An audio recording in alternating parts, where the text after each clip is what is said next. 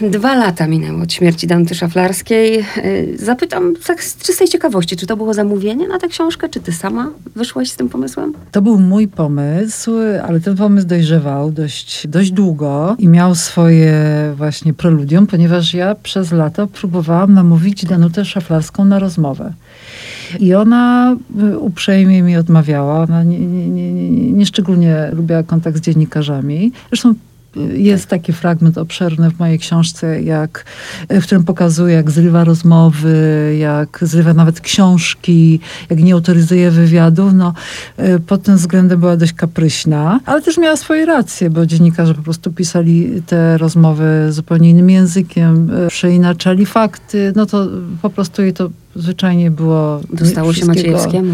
Dostało się Maciejewskiemu, tak, ale też bardzo y, no, jeden, jeden Michał Smolis, y, y, bardzo dobry teatrolog i zaprzyjaźniony z Danutą Szaflarską bardzo mocno. Człowiek pracował nad książką chyba dwa lata z hakiem i nawet była podpisana umowa z wydawnictwem. Ta książka też nie wyszła. Szaflarska się wycofała. Więc wracając teraz do mojego wątku, bardzo chciałam zrobić do Tygodnika Powszechnego, redakcji, w której pracuję, rozmowę na setne urodziny pani Danuty, no ale nic z tego nie wyszło. I jeszcze w takim desperackim, ostatnim e, e, ruchu, nie miałam wtedy jeszcze pojęcia, że pani Danuta jest już bardzo ciężko chora i na pewno wtedy by nie zgodziła się na kontakt ze mną. Po prostu też nie miałaby ani sił fizycznych, ani, ani takich psychicznych na to. Napisałam do Marii Ekier, czyli córki, starszej córki pani Danuty, czy może moja córka, Haneczka, której właśnie tę książkę zadedykowałam i która raz na jakiś czas y, dla Tygodnika Powszechnego przeprowadza fenomenalne rozmowy. Czy może by Hanka, wtedy 11-letnia, nie spotkała się z panią Danutą?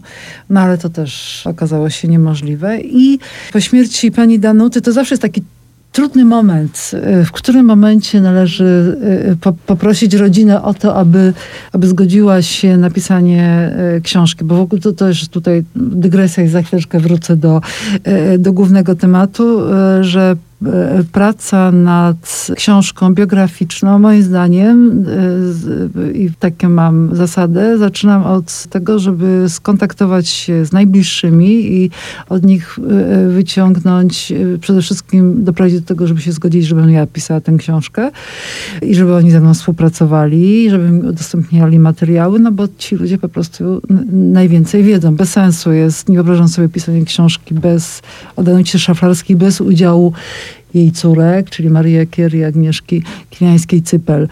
I teraz znów wracając do e, głównego, e, e, głównej myśli, odważyłam się po trzech miesiącach, bo odczekałam ten czas po śmierci pani Danuty i po prostu kontaktowałam się z dziewczynami, czyli z córkami. No i one się zgodziły. I tak się zaczęła po prostu ciężka praca. Po prostu ciężka praca. Były bardzo otwarte i chętne? Ostrożne. Ostrożne, później fantastyczne, są świetne osoby ze mną pracowały. Bywało trudno, ale zawsze przy takiej książce biograficznej jest, są momenty trudne, bo biograf chce napisać coś więcej, a rodzina nie chce, żeby to zostało napisane i tutaj następuje takie zderzenie, z którym trzeba sobie jakoś y, umiejętnie radzić nawet jeśli były takie rzeczy, to wiadomo, że nie powiesz jakie, które się nie znalazły. Wszystko zostało. Wszystko, co chciałam, hmm, zostało w tej, w tej książce, więc tutaj jakby szalenie mi na tym zależało, y, żeby, no żeby ta książka właśnie była y, książką o historią jednak pełną krwistej postaci, mm. a nie hagiografią, bo takie łatwe i takie hagiografie są też nieznośnie szeleszczą po prostu papierem Nie jest to hagiografia, za co ci dziękuję. Powiem, zastanawiałam się, jak o tym rozmawiać. 102 mm. lata, kawał życia zmieścić w kilkunastu, może kilkudziesięciu minutach rozmowy. Mm. Coś, co mnie zaskoczyło, ale my w innym momencie do tego wrócimy. Mm. To strona 222, nawet zapamiętałam, bo to mnie bardzo uderzyło, że tutaj do tej pory taka wielka sympatia do tej szafalarskiej i taka gorzka, gorzka historia jej córki Agnieszki. Mm -hmm. Ale to spokojnie. Mm -hmm. Jesteśmy w roku 1915, w którym rodzi się Danuta Szaflerska. Wiejska mm -hmm. dziewczyna, wiejskie dziecko. Tak, w Kosarzyskach. Obecnie y, część y, piwniczej. Dziecko nauczycielskie. W sumie najstarsze, bo, wczy, tak. bo, wcześniej y, była na świecie Irenka, Irenka która umiera na szkarlatynę jako czterolatka. I później pojawia się Jerzy na świecie. Ukochany brat Danuty. Jak na pewno Państwo, którzy to słuchają tej audycji, pamiętają jak wyglądała Danuta Szaflarska. Drobniutka kobieta o regularnych rysach twarzy, a jej brat miał 1,90 wzrostu, więc to była taka fantastyczna różnica między nimi. Kochali się bardzo. Mimo, że tak ci będę trochę Tak, tak, dobrze, słowo, dobrze. Mhm. To dzieciństwo takie, mimo że bieda, no bo o tej biedzie i o głodzie to, to, to też będziemy mówić przy mhm. odpowiednim momencie, ale mimo wszystko takie szczęśliwe to dzieciństwo, takie arkadyjskie. Ja mhm. od razu widzę też szaflarską, jak ona boso biegała i później jak się w tych butach biedna musiała męczyć tak. w Nowym Sączu. Tak, tak.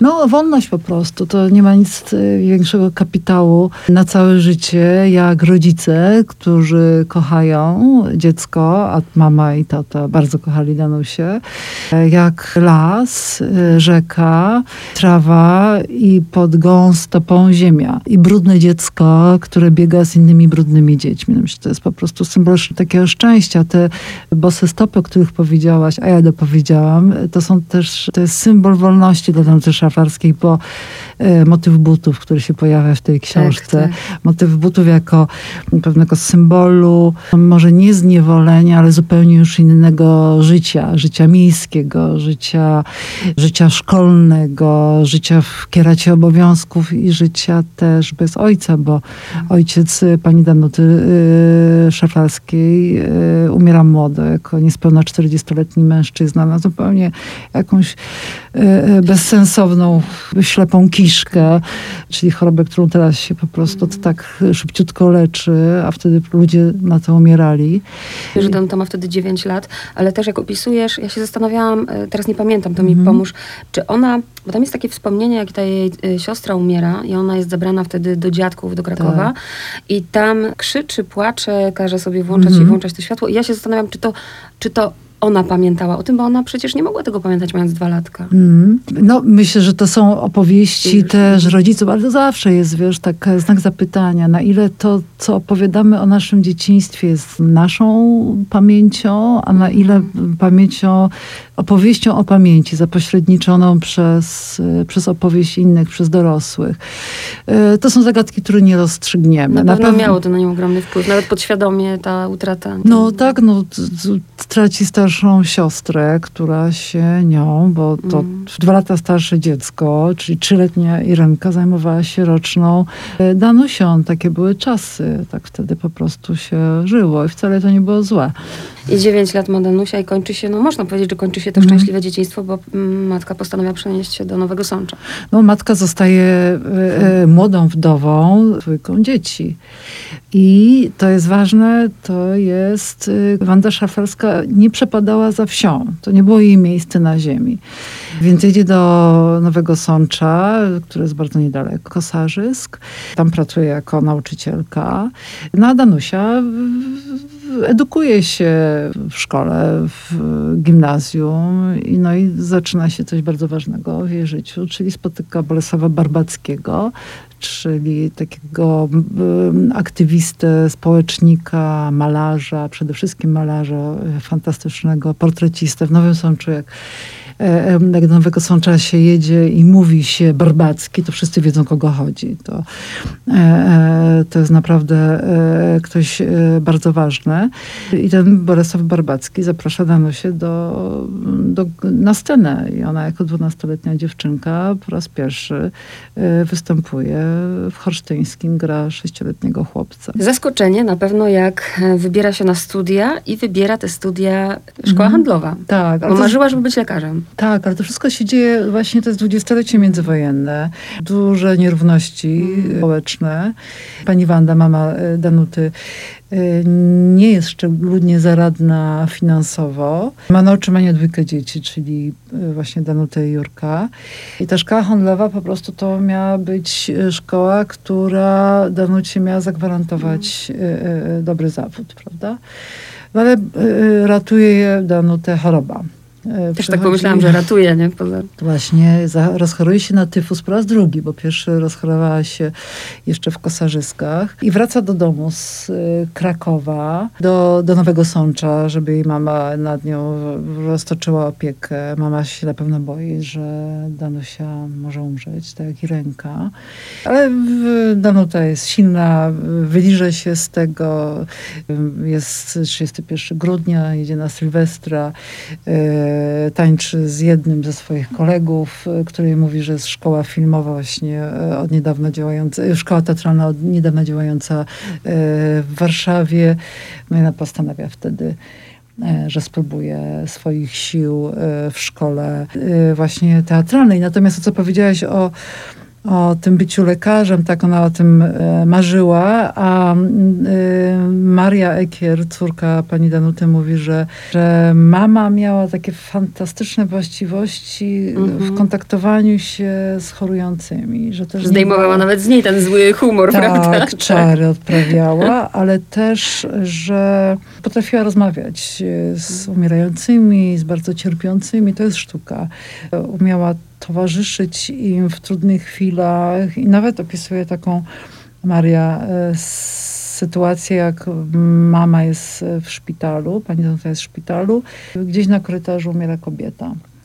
E, I Danuta podchodzi już e, do zmarłej i delikatnie głaszcze ją po głowie, w ten sposób się z nią żegna. No. Bardzo wzruszający moment, pamiętam. Mm. A jak tak sobie oczywiście żartując, e, mówię teraz, jakby była lekarzem, to pewnie ostatnią rzeczą, którą by przepisywała, byłby antybiotyk i leki. Chyba raczej by starała się tak, tak. Bo sama była daleka od takich Tak, ziołami, środków, się, tak. ziołami się leczyła, miała swoje rozmaite sposoby na, na rozmaite dolegliwości. No i proszę bardzo, 102 lata Nawet żyła. ja zapamiętałem.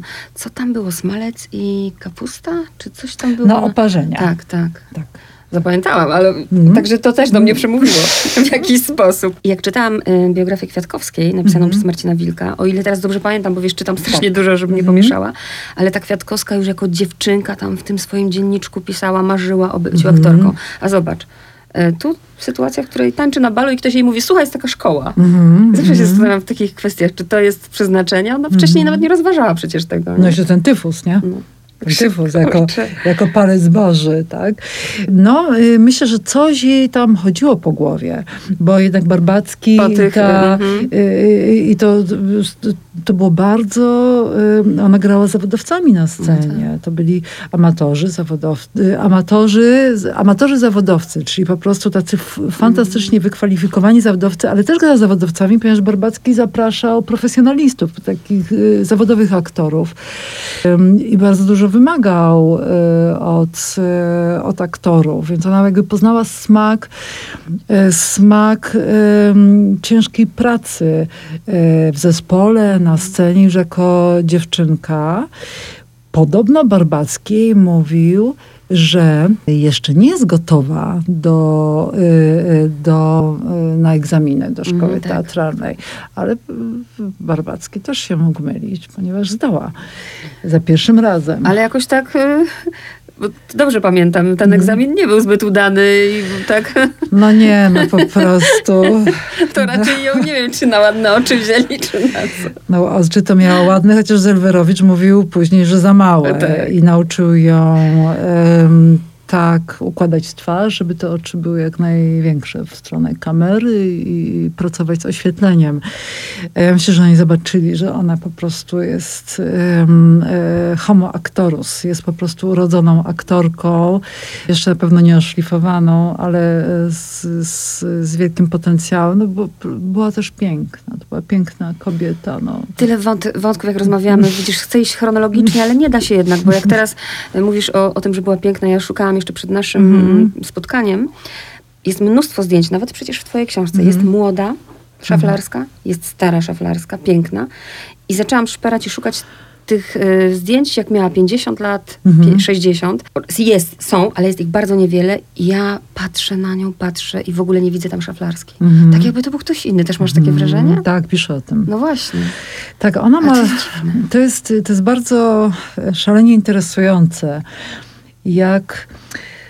Yy, no bo popatrz, e, z Szaflarską było tak, że w filmie e, zadebiutowała w, w Zakazanych mm -hmm. Piosenkach, czyli w pierwszym filmie powojennym. Wszystko, co było pierwsze w, powojennego w Polsce było bardzo, e, bardzo fetowane. I te Zakazane Piosenki to też był film, na który, był, na który było wielkie tak. oczekiwanie i publiczności, i krytyki.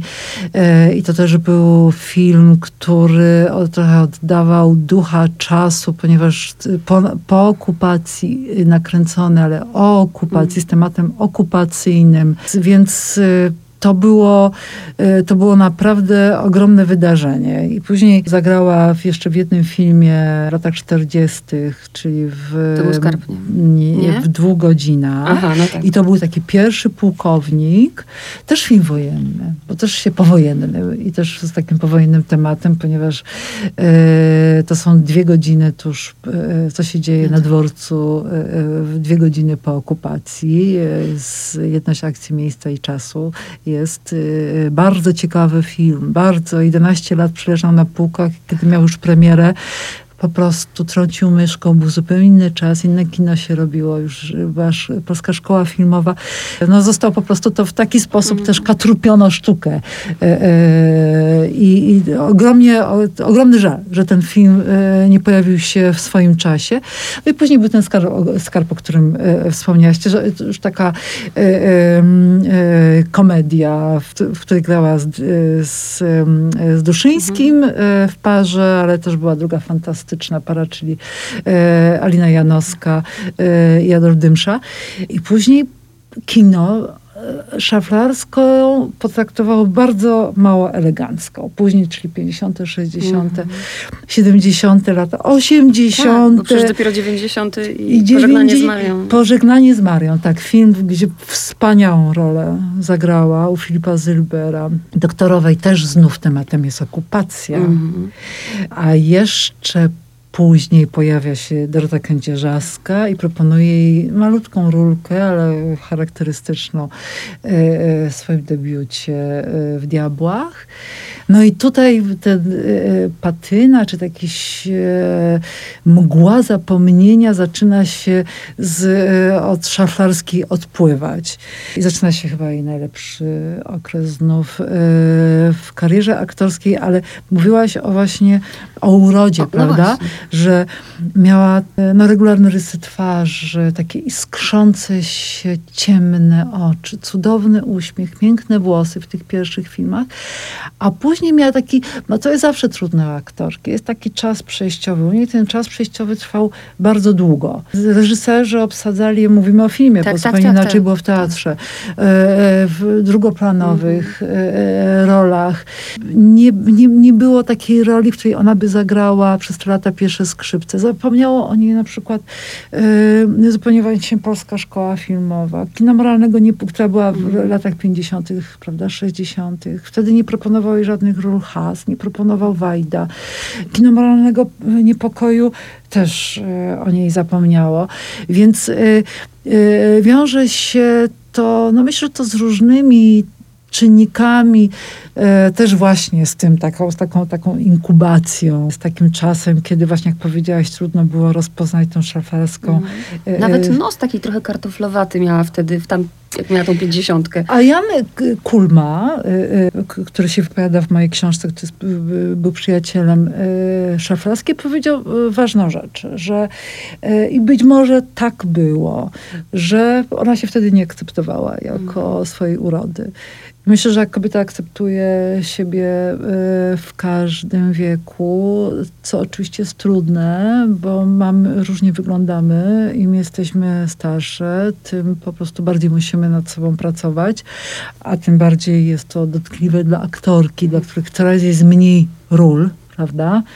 E, to zawsze jest ten moment, o którym te aktorki podkreślają, jak przestają grać już e, amantki, zaczynają grać matronę. Jak już przestają grać dziewczyny, zaczynają grać mm. matki, a później po matkach grają babki. Więc to dla aktorki jest trudne i wcale to szafry, tego szafraska tak dobrze nie znosiła. Natomiast ważne jest jeszcze to, to bym bardzo chciała podkreślić, że to nie jest tylko kwestia urody, emploi, tylko tego, a właśnie bardziej tutaj emploi w wypadku szaflarskiej, że, że, że, że to kino ją potraktowało pod po macoszemu przez właściwie kilkadziesiąt lat, ponieważ te pierwsze filmy, o którym powiedziałam, a głównie e, właśnie e, zakazane piosenki i, i, skarb, które były e, dostępne szer, szer, szerokiej publiczności, one zostały zrobione w konwencji kina jeszcze przedwojennego. Tam była taka maniera, zresztą przez fachowców, przez Leonarda Byczkowskiego, mm. przez Wola, przez y, y, fachowców, którzy, y, którzy świetnie się sprawdzali w filmie przedwojennym.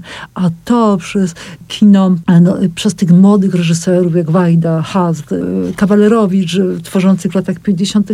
było niedobrze widziane. Oni się chcieli odciąć od tego, co przedwojenne. I paradoks polega na tym, że Szafracka zagrała w przedwojennych filmach, y, w powojennych mhm. filmach, a, a była kojarzona z przedwojennym tak. kinem. I to myślę, że, że właśnie ten jej wielki sukces w latach 40., przez kilka lat lat 40., bo od połowy lat 40. Mhm. do końca, stał się też jednocześnie początkiem takiej długiej kwarantanny. Mm. No i później y, koło dziewięćdziesiątki, no zaczyna się znowu kolejny czas. To nie jest cudowne? To jest... W ogóle jak opisujesz, słuchaj, jak ona zdobywa te zaświadczenia lekarskie w wieku 95 tak. na 5 lat ma, to, to jest hit. W ogóle bardzo mi się kompozycyjnie też podoba pomysł na tę książkę -hmm. i w pewnym momencie Szaflarska sama wypowiada się i mówi właśnie o graniu, o rolach. O... Mm -hmm. Zaskoczona byłam, bo taka jest modna przecież ta metoda Stanisławskiego, że ona -hmm. była zupełnie przeciwna temu. Tak, ona lubiła, y, y, bardzo lubiła szybko zagrać. Ona była takim zwierzęciem aktorskim. Że jak wychodziła na scenie właśnie, to, to, to powiedziałam bardzo świadomie to homo, homo actorus, nie?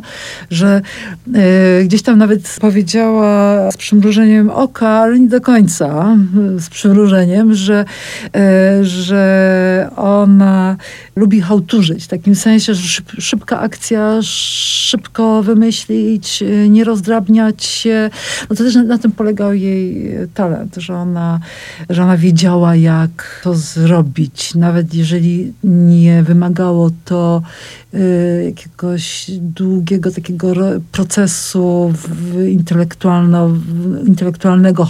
Bardzo ceniła reżyserów, artystów, którzy po prostu mieli wizję mm. i mhm. wiedzieli, czego chcą. No to, to jest dla aktora, wtedy to jest partnerstwo. Wtedy można się, y, można się dogadywać, można y, pracować. Dlatego ona tak uwielbiała pracę z Dorotą Kędzierzowską, uwielbiała pracę z Grzegorzem Jarzem już pod koniec życia, prawda?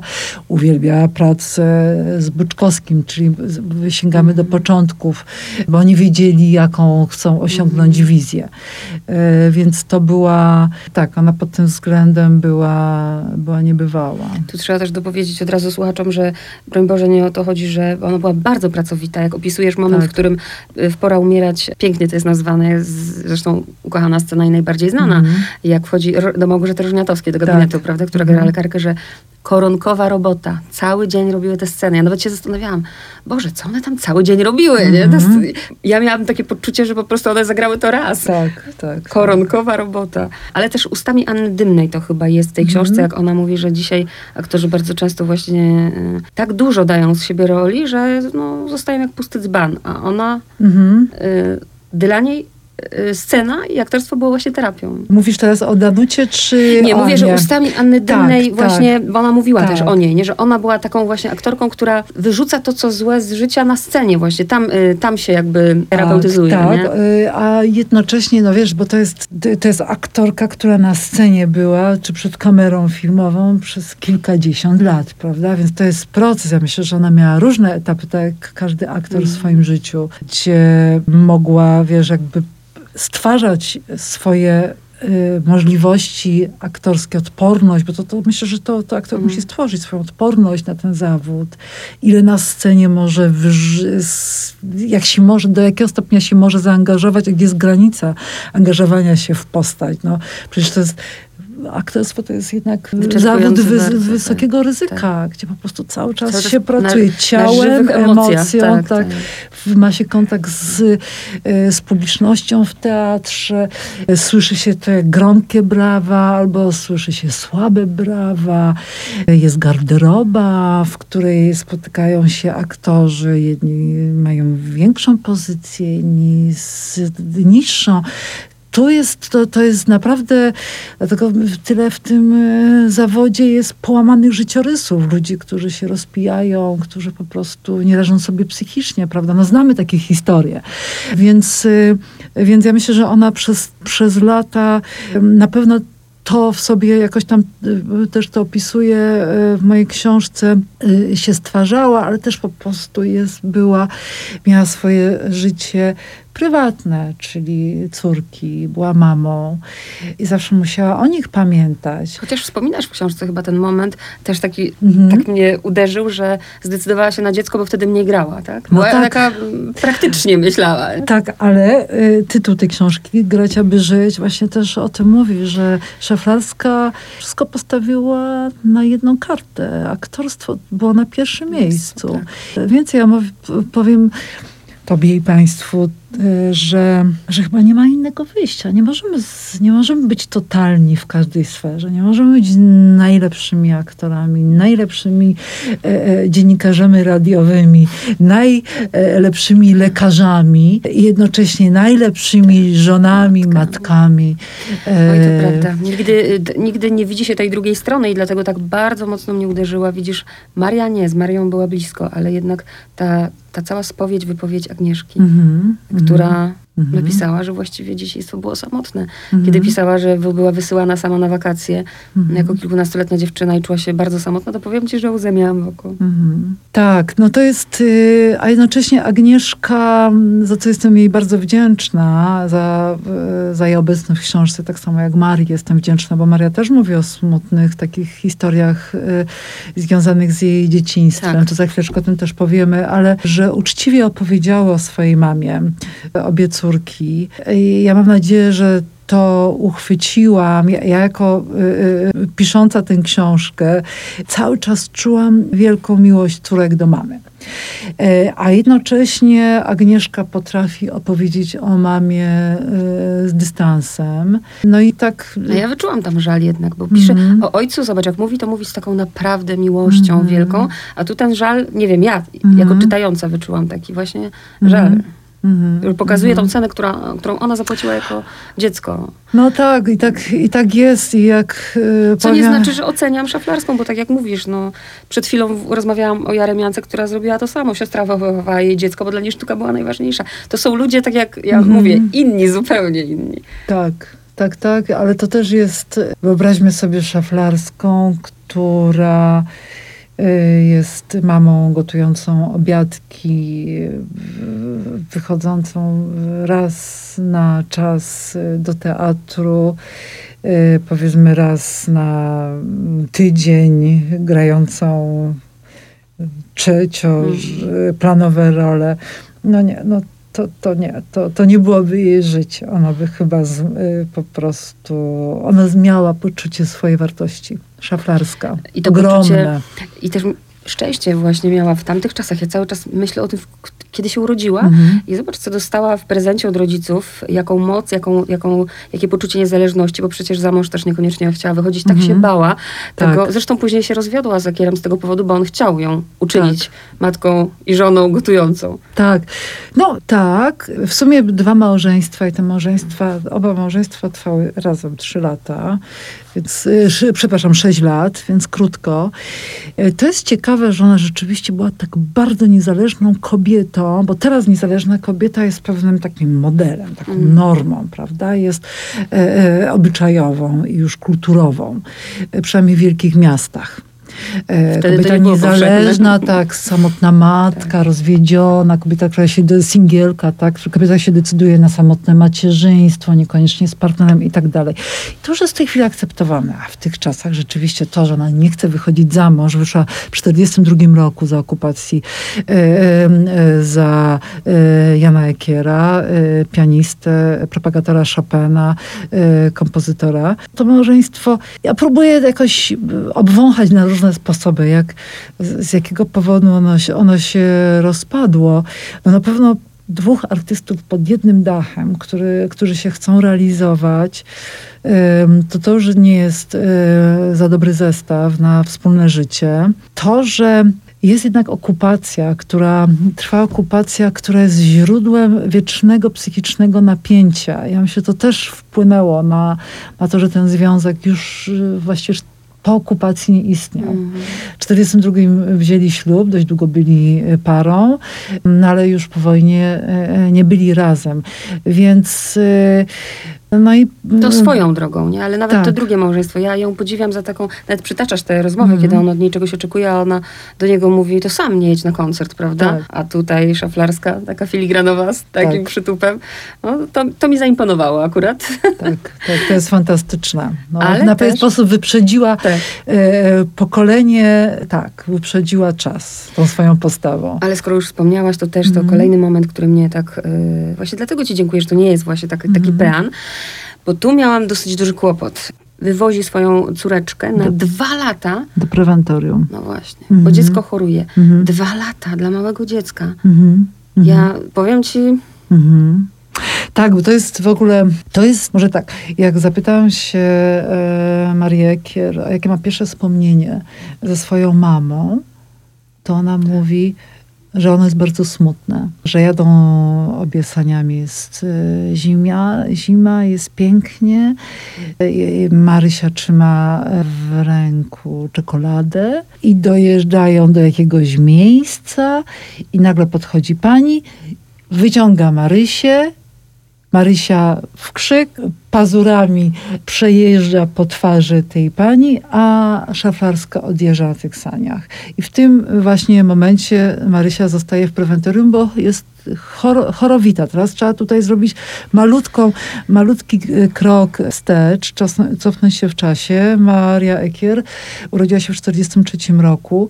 Jak miała rok, w 1944 była z mamą, ze e, Danutą, z babcią Wandą, z e, tatem Jan, z tatusiem Janem i ona w Powstaniu Warszawskim.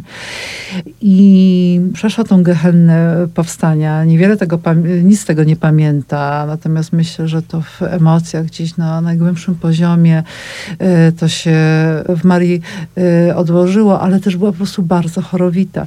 I właściwie szaflarska to, to, to zdarzenie, o którym opowiadasz, ten obraz taki bardzo mocny, czyli pozostawienie dziecka w tym prewentorium, to ona nie miała wyjścia. Ona to zrobiła dla swojego dziecka, żeby ona wyszło z, z choroby. W, te, w tamtym czasie prewentoria swoją drogą, tutaj jeżeli słuchają y, nas y, jacyś moi koledzy dziennikarze, to jest też temat y, dziennikarski na książkę prewentoria. Właśnie w powojennej Polsce było ich sporo, leczono, leczono nie tylko dzieci, ale głównie dzieci, prawda, ze rozmaitych chorób. Natomiast, więc tutaj nie było właściwie no, nie było wyjścia. Też proszę pamiętać, że Szaflarska wychodzi y, z tej okupacji też pokiereszowana. Ona tak w kampanii wrześniowej straciła brata, ukochanego brata, który umiera jak ma 20, 20 lat.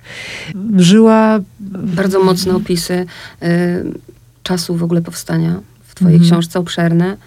E, tego, co się działo, głodu. Mhm. Bardzo mocne wrażenie na mnie. Naprawdę modląc się, jak to czytałam, żeby to nigdy nie wróciło, mhm. kiedy ludzie łyżeczkami wybierają z kałuży wodę. Tak, bo nie było, bo była susza i tak, to, to, to przyznam się, że pisanie tego rozdziału dość obszernego o okupacji też dla mnie było dość e, trudne e, pod względem emocjonalnym. Myślałam, że sporo wiem już i niewiele mnie samej zaskoczy, ale, e, ale jednak to jak się pisze, jak się doczytuje książki, jak jeszcze ja dotarłam do takiej znanej wypowiedzi Danuty Szaflarskiej udzielonej dla Muzeum Powstania Warszawskiego, w którym ona opowiada o o, o tym, co się działo w czasie powstania to no właśnie, to jest to wszystko, ten koszmar, który, którego doświadczyła, strach, lęk, to, że Marysia może umrzeć, że ona ciężko chorowała w czasie e, okupacji, e, no to doprowadziło do tego, że Szaflarska też była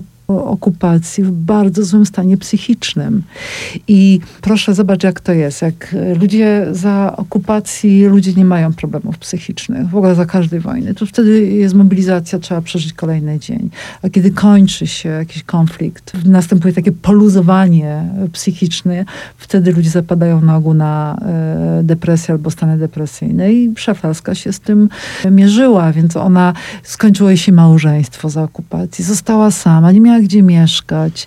Więc było dużo takich, e, no, ja opisuję historię kobiety. Ja, kobiety, sta ja starałam się to rozumieć, naprawdę starałam. Dlatego to jest bardzo trudne, nie? Tak. Nie, nie, nie wchodząc w ocenę, e, można powiedzieć, jedna była złamana tą sytuacją, a druga, czyli Maria, no, przecież to kolosalnie musiało wpłynąć na jej życie. Ona sama mówi, odrzucenia. ona to sama mówi, że, że Marysia, że, że myślę, że to że w niej to tkwi, po prostu tkwi do teraz. Właśnie to pozostawienie na dwa lata w prewentorium. Tam przyjeżdżała oczywiście mm. Danuta, odwiedzała ją.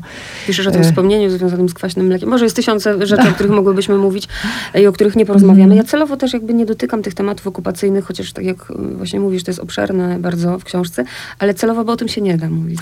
To trzeba przeczytać. Ale wiesz, to ja powiem ci że jak pisałam, jak się zastanawiałam nad, nad tym, dlaczego szaflarska, skąd w szaflarskiej taka pogoda ducha, prawda?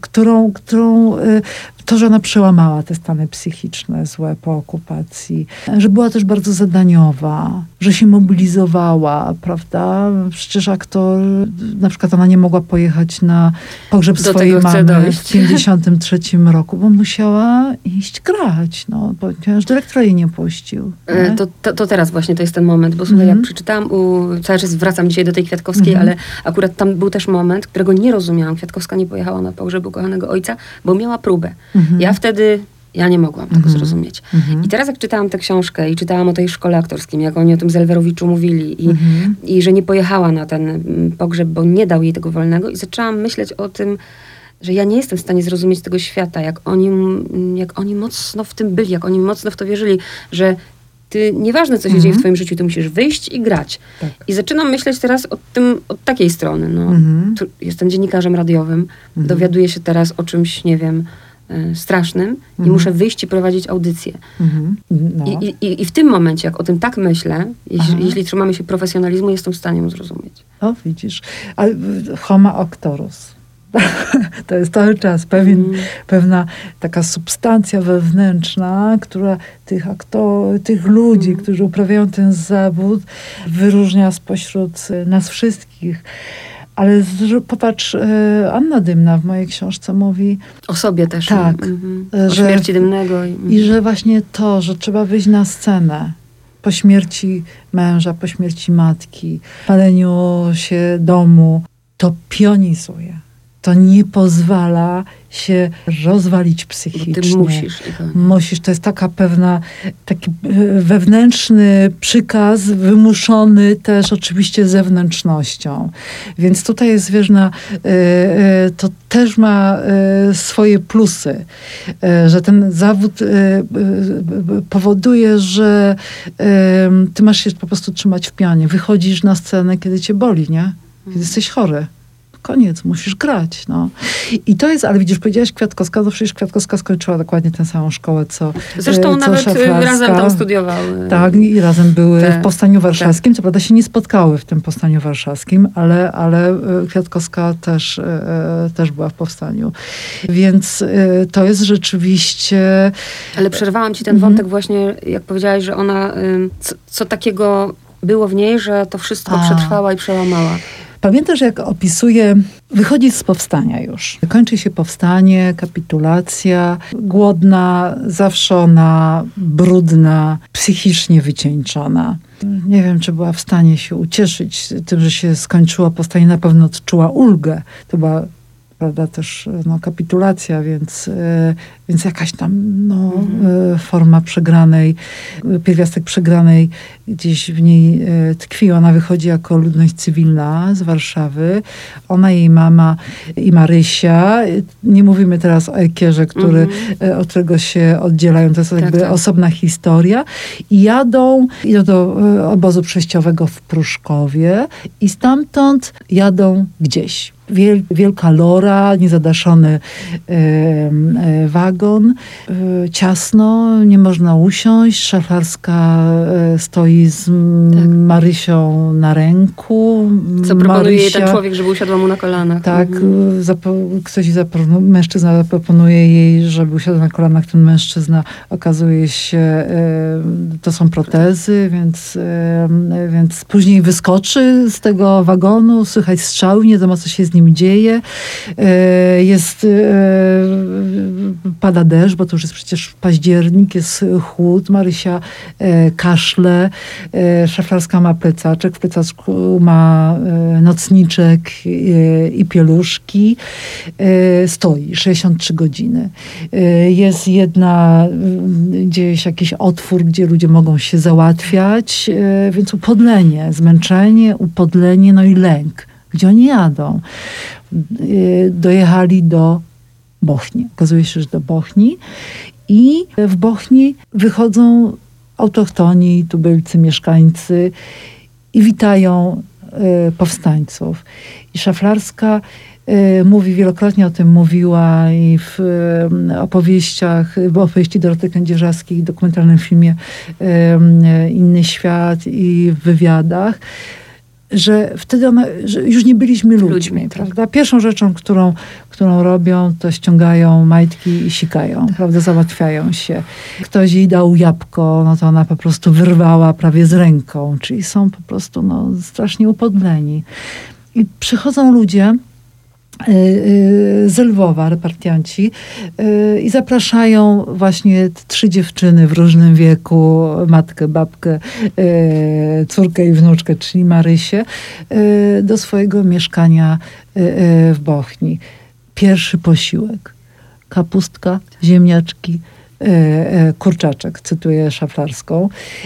Goszczą, ją, goszczą je w ten sposób, że rozkładają oczywiście łóżko, e, świeża pościel, one mówią, że nie, że tutaj pierwsza awantura, stysja, no nie, nie, nie, mamy wszy, zrobimy wam kłopot, oni się upierają na łóżku, w końcu dochody, za, zawierają kompromis i te trzy dziewczyny kładą się na ziemi, ale w czystej pościeli.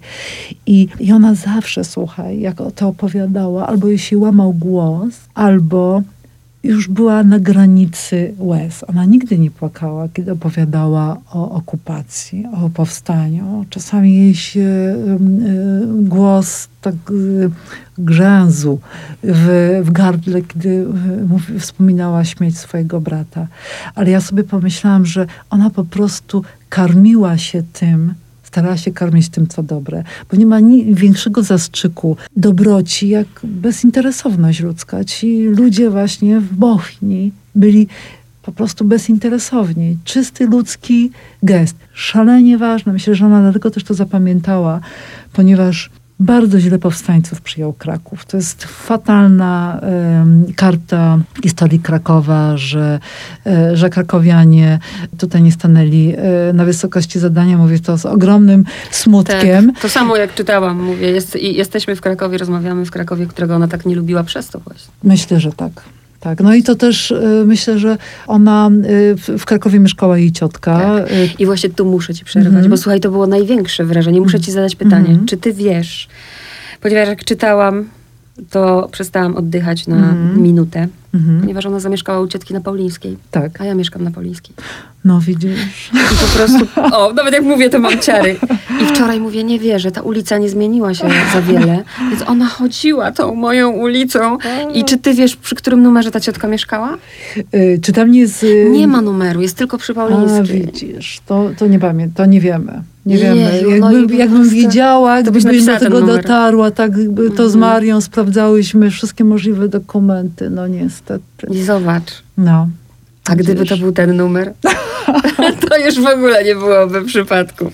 O Jezu, przepraszam, że ci przerwałam. Ale też na to zdanie właśnie zwróciłam uwagę, y, o którym powiedziałeś, że tym największym czymś, co jest ważne w życiu jest to, to że ta dobroć ludzka, prawda? Wiesz, no bo taka ludzie, którzy wychodzą um, z takiego koszmaru, um, mogą się stać straszni, zgryźliwi. Ich depresja może po prostu zmiażdżyć, złość na ludzi może ich wykończyć. To jest, to jest ogromne ilość takich ludzi po okupacji, którzy sobie nie poradzili z tym doświadczeniem. Albo też w ogóle nie chcą o tym mówić. Jest to tabu w rodzinie, tabu wszędzie, a ona, widzisz, nawet piszesz o tym tym młodym aktoreczkom, jak Roma tak. Gąsiorowska opowiada to. Tak, tak. Tak jakby celowo. E, tak, to Maria Maja opowiada, tak. że miała jakoś tutaj, że tym młodym dziewczynom z, z zespołu opowiadała najstraszniejsze e, opowieści z e, Powstania Warszawskiego, ale to też myślę, że wiąże z tym, że jednak o powstaniu się przez lata nie mówiło, prawda? No przecież 50., 60. i to powstanie było też używane do rozmaitych y, rozgrywek, rozmaitych... I dalej y, jest. No. Tak, interesów politycznych. I, a człowiek im jest starszy, tym wie, że ma mniej czasu i chce opowiedzieć o tym, czego był świadkiem. No, Szaflacka urodziła się w 1915 roku, czyli w Polsce pod zaborami, a zmarła w Polsce no, y, wolnej, prawda? Więc y, kawał życia przeżyła. Chociaż myślę, że bardzo by ją zasmucało to, co się teraz dzieje. No, Bo właśnie jak czytam mm, na, o tych nastrojach, o tym wszystkim, to tak jakby historia zatoczyła koło. Dzieje się dokładnie to samo. No. Tak, ona była że... bardzo zainteresowana tak. życiem politycznym i, i czytała mimo y, coraz słabszego wzroku do końca życia y, Newsweek, politykę. Y, jak już nie mogła czytać całych artykułów, to przynajmniej czytała nagłówki. Jak ktoś do niej dzwonił ze znajomych, no to za, bardzo często schodziło na tematy polityczne, była szalenie e, świadoma tego, co się dzieje i e, no, Popatrz, ile by było jeszcze wątków. Ja już myślę całe lata 80. popiełuszko, mm. nie w mhm. ogóle. Ale jeszcze chcę wrócić do, do, do niej jako do aktorki, bo jak już mm. zaczęłyśmy mówić, jej nigdy, tak wynika przynajmniej z twojej książki, mm. ta woda sodowa nie uderzyła do głowy. To jak mhm. ona traktuje garderobianą. Mhm. Mm, mam, ja mam takie wrażenie. Nie, nie, nie, chyba nie spotkałaś się nigdy z takim zarzutem, prawda?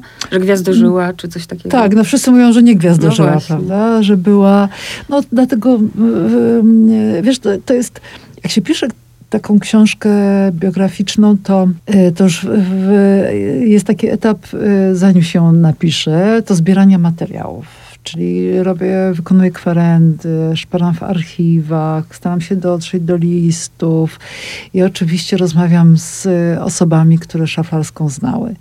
Chcę zobaczyć, jak mieszkała, chcę zobaczyć właśnie garderobę, stanąć na scenie, na której grała, etc., etc. I to jest też ważne, jak reagują ludzie, jak ja dzwonię i mówię, dzień dobry, nazywam się Katarzyna Kubysiowska, piszę biografię Danuty Szaflarskiej, czy e, e, pani, pan ze mną porozmawia.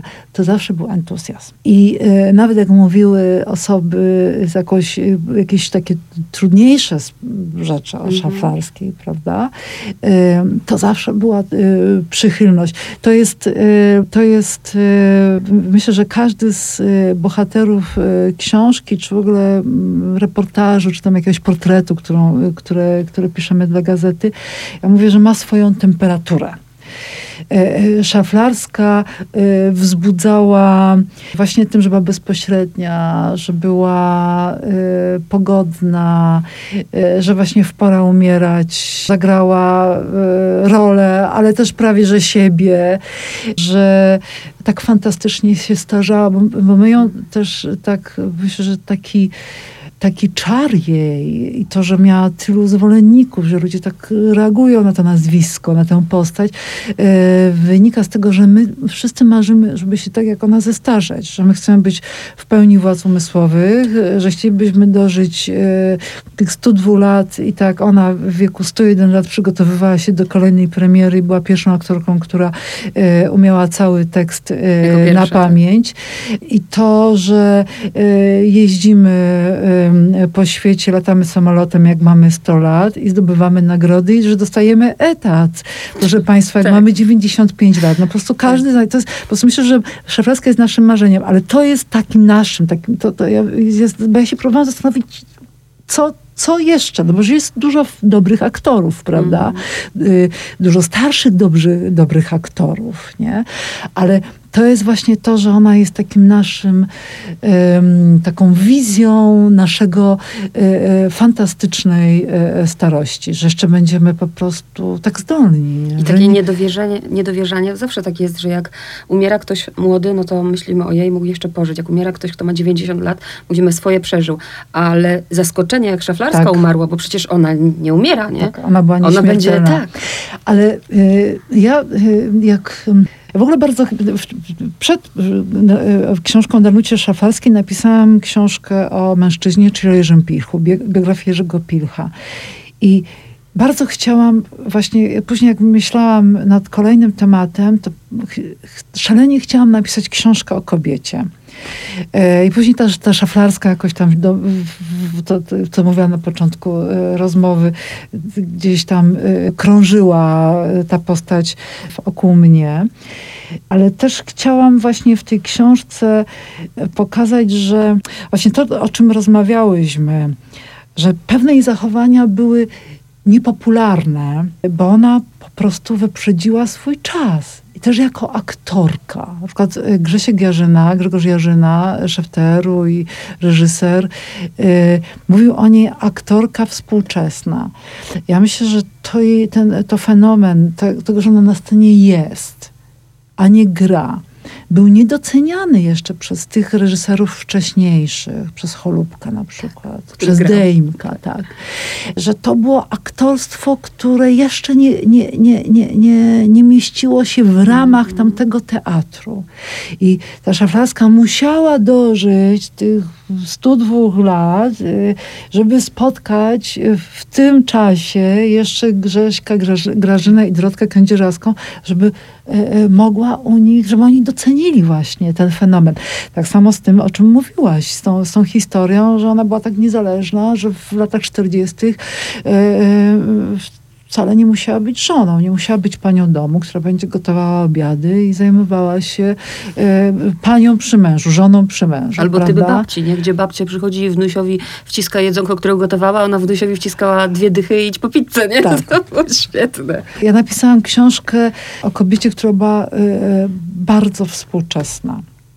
E, ja się wcale nie dziwię, że tak wielu ludzi e, młodych e, do niej mówiło na ty.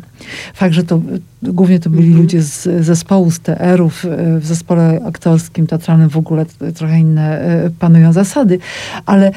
Oni mieli z tym większy problem. Oni, tak, no, ale to była, to była osoba, która E, która e, to też jest, wiesz, to Y, y, która była partnerem, która nie była po prostu starszą panią, no, by, no miała ograniczenia, no bo po prostu no, ciężko jej było wchodzić, wychodzić i tak dalej. Ona szalenie Ale zobacz, jak opisujesz taki moment, Jezu, ja ci przepraszam, ciągle mm -hmm. wchodzę w słowa, ale widzisz, e, jak w, w, za, mm -hmm. już w garderobie, jak ona się, popatrz, jest prawie stuletnią kobietą i ona mówi do tej garderobianej, zobacz, jaki ja mam brzuszek. Jak ja to czytałam, to miałam takie poczucie, że jeszcze jej zależy na tym, no y, tak. jak ona wygląda.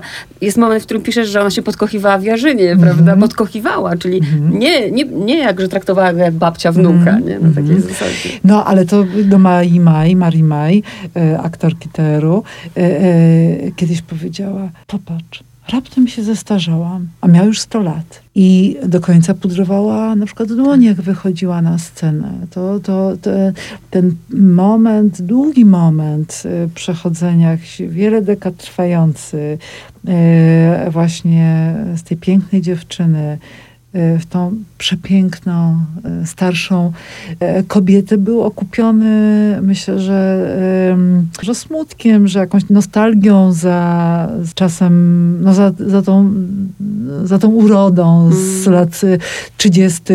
czy 40. A rzadko się spotyka ludzi, jak na nią patrzę, naprawdę rzadko się spotyka ludzi starych, którzy są ładni. Ona Mhm. jest ładna, a coś, co mnie jeszcze zaskoczyło, to to, jak piszesz, bo tak, ona się kojarzy, jak się, jak ja Mhm. tego nie wiedziałam, prawda, Mhm. przed przeczytaniem twojej książki. Ona mi się kojarzyła z taką mm, kobietą właśnie oczywiście bardzo elegancką, starszą panią, która e, umie tam trzymać dystans, ale jest bardzo miła, wszyscy się do niej Mhm. uśmiechają i tak dalej.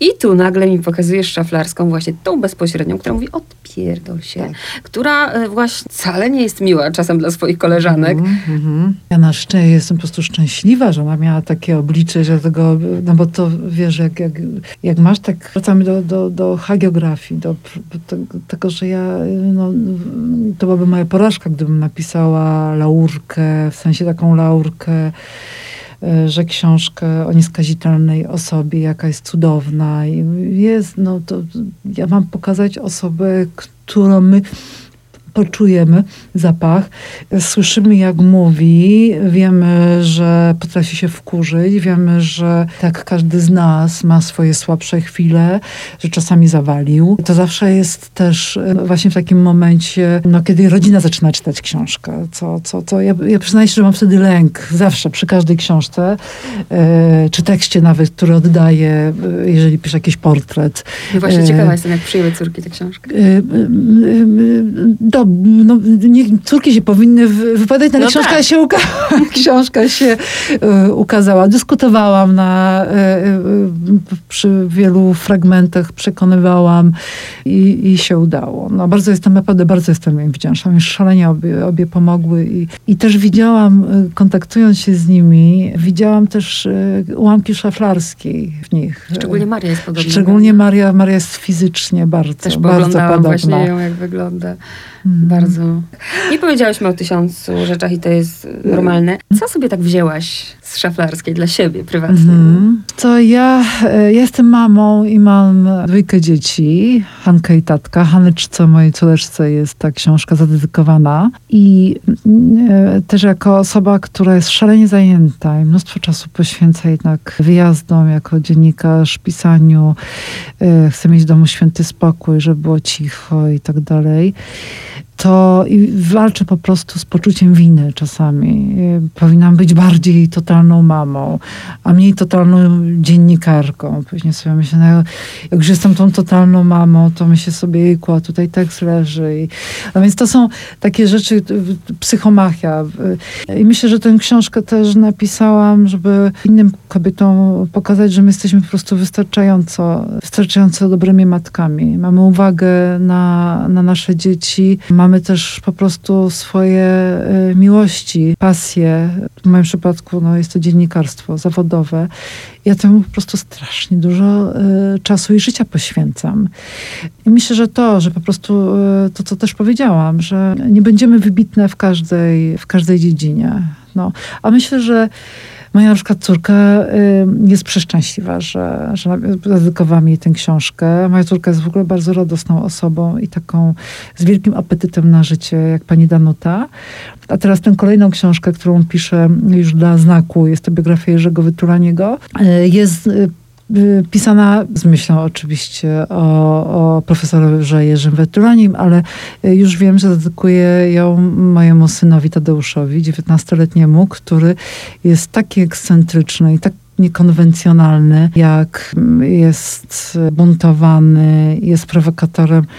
Y, Bardzo to go łączę z, z profesorem Jerzym Wetulaniem. No więc y, to była dygresja, ale, ale y, to, że żeby nie bać się po prostu robić y, swoje jako kobieta, żeby stawiać na i też sobie radzić z tym z otoczeniem, które ma na, na nasz temat tyle definicji, jakimi powinniśmy być matkami, jakimi jak się poświęcać w domu, jakie obiady gotować i tak dalej. No to musimy być po prostu, tutaj trzeba głuchnąć w takich momentach i robić swoje. Przede wszystkim czuć w twojej książce prawdę. Ja czytam bardzo, bardzo dużo. Mam wrażenie oczywiście, że z, tej, z tego gromu staram się przynajmniej wybierać Mhm. rzeczy dobre, ale potem też poznaję książkę, że jest dobra, że w niej czuję prawdę, jak się nie mogę od niej oderwać. A od twojej nie mogłam. A, dziękuję. Dzięki.